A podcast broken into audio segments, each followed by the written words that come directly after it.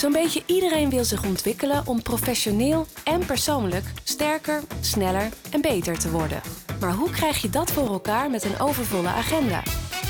In de Sterkmakerscolleges van Schouten en Nelissen nodigen wij experts uit die in korte seminars van ongeveer 5 minuten hun ervaringen en tips delen over één specifiek onderwerp.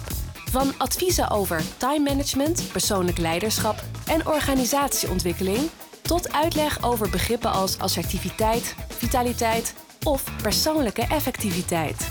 Wat is het en wat zijn de tips waar je meteen mee aan de slag kan? Herken jij dit soort situaties? Je zit aan de vergadertafel, je wil je input leveren, maar het lukt niet om ertussen te komen. En dan ineens gooi je je boodschap op tafel en is het net iets te fel, hard of scherp. Of je merkt als leidinggevende dat je gezag of verbinding mist naar je medewerkers toe. Of dat jouw collega's niet naar je luisteren. Hoe komt dit? Waar ligt dit aan? En hoe zorg je er nou voor dat je collega's wel naar je gaan luisteren? Mijn naam is Josanne Toussaint en het is mijn missie om bij te dragen aan betere gesprekken. Mensen die gezien en gehoord worden en aan meer verbinding in teams en organisaties. Wat daarvoor nodig is? Nou, beter weten wat je zelf communiceert, wat het effect hiervan is op de ander en hoe je daar zelf invloed op uitoefent. De afgelopen 15 jaar heb ik honderden managers, burgemeesters, wethouders, advocaten, leidinggevenden getraind. En wat blijkt? Mensen weten vaak wel dat hun communicatie belangrijk is.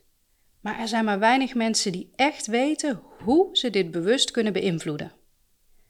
Ik geloof niet in één beste versie van jezelf, wel in de beste versie van jezelf op dat moment voor die specifieke situatie. En dat vraagt om variatie in stijl en kleur.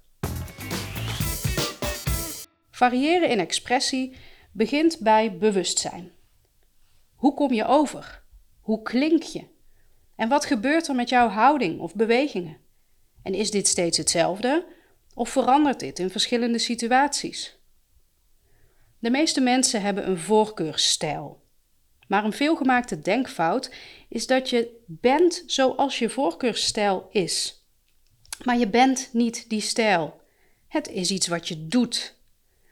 En dat kan soms een behoorlijk diep ingesleten patroon zijn en het linkt vaak wel aan een bepaald karakter, maar dat betekent niet dat je geen flexibiliteit in stijlen kan trainen. En dat vind ik wel heel belangrijk om te benadrukken. Je hebt binnen je eigen authenticiteit een keuze om te variëren en om te zorgen dat je communicatie verbaal en non-verbaal je boodschap ondersteunt. Aan het einde van dit college weet jij welke stijlen er zijn, ken je de valkuilen en weet je ook hoe je daar niet intrapt. Voor de helderheid kun je expressiestijlen verdelen in vier kwadranten. Zie het als een vierkant waarbij ieder kwadrant zijn eigen kwart heeft. Twee bovenkwadranten die worden gekenmerkt door fysiek en vocaal ruimte innemen. En twee onderkwadranten die juist wat meer gekenmerkt worden door beschouwen en ruimte laten voor de ander. Twee kwadranten links, die meer hoekig en staccato zijn en waar inhoud en taak prioriteit heeft. En twee kwadranten rechts, waar een vloeiende expressie hoorbaar en zichtbaar is en de mens- en relatiegerichtheid juist voorop staat. We beginnen linksboven en we gaan met de klok mee. De stijl linksboven kenmerkt zich onder andere door een wat luider volume, een lagere stem en hoekige bewegingen. De stijl rechtsboven kenmerkt zich door snelheid en veel variatie in intonatie en bewegingen. De stijl rechtsonder is juist wat zachter qua volume en met veel vloeiende lijnen in stem en in bewegen. De stijl linksonder is monotoon en wat meer staccato. Je hebt natuurlijk mixvormen en nuances, maar voor nu houden we het even bij deze vier. Om hiermee voor jezelf aan de slag te gaan, moet je eerst weten wat je nu doet. Het begint bij bewustzijn. We hebben namelijk twee grote problemen als we ons niet bewust zijn van onze tone of voice. Probleem 1. Je expressie en je doel matchen niet. Gevolg, je haalt je doel niet. Als je een stijl kiest die je doel niet ondersteunt, ga je je doel een stuk lastiger behalen. Voorbeeld. Je doel is een duidelijk punt maken of een grens aangeven bijvoorbeeld. Dat vraagt een stijl waarin je voldoende ruimte inneemt en de ander laat zien dat jij achter je punt staat. Dus de inhoud mag worden benadrukt. Het is dan handig om expressie-elementen van het kwadrant linksboven in het vierkant te kiezen. Als ik mijn punt wil maken en heel duidelijk een inhoudelijk stevige boodschap over wil brengen, doe ik dat wat hoekiger, lager en met voldoende stiltes. Hiermee laat je gezag zien, neem je ruimte in en benadruk je de urgentie van de inhoudelijke boodschap. Als mijn doel meer ligt op de relatie, het mensgerichte, dan ga ik juist wat vloeiender en bewegelijker spreken. Als je probeert om de relatie te versterken en je doet dat op deze manier, dan wordt dat best heel ingewikkeld. Probleem 2. Je expressie wordt bepaald door stress, haast of emoties.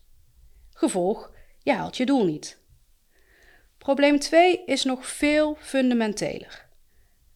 Al die stijlen hebben geen enkele impact als jouw expressie onder invloed staat van emotie, haast en stress. Onder invloed van haast, spanning, prestatiedrang en ga zo maar door, ga je extra stresshormonen aanmaken. Als je hier niet alert op bent, staat jouw communicatie, jouw expressie, onder invloed van deze stresshormonen, met alle gevolgen van dien.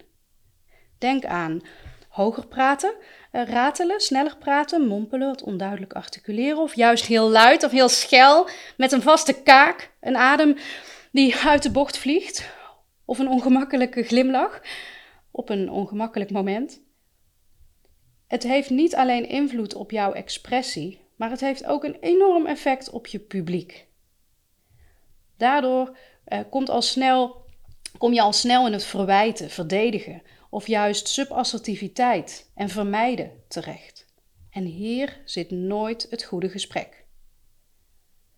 Wil jij dat jouw inhoud wordt gehoord, dan is het dus belangrijk om je hier bewust van te zijn. En dit heeft alles te maken met je vermogen om in een moeilijke of spannende situatie ontspannen te blijven.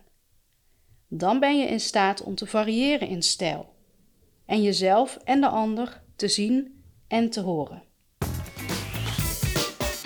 De grote vraag is natuurlijk: hoe wordt of blijf je ontspannen onder druk?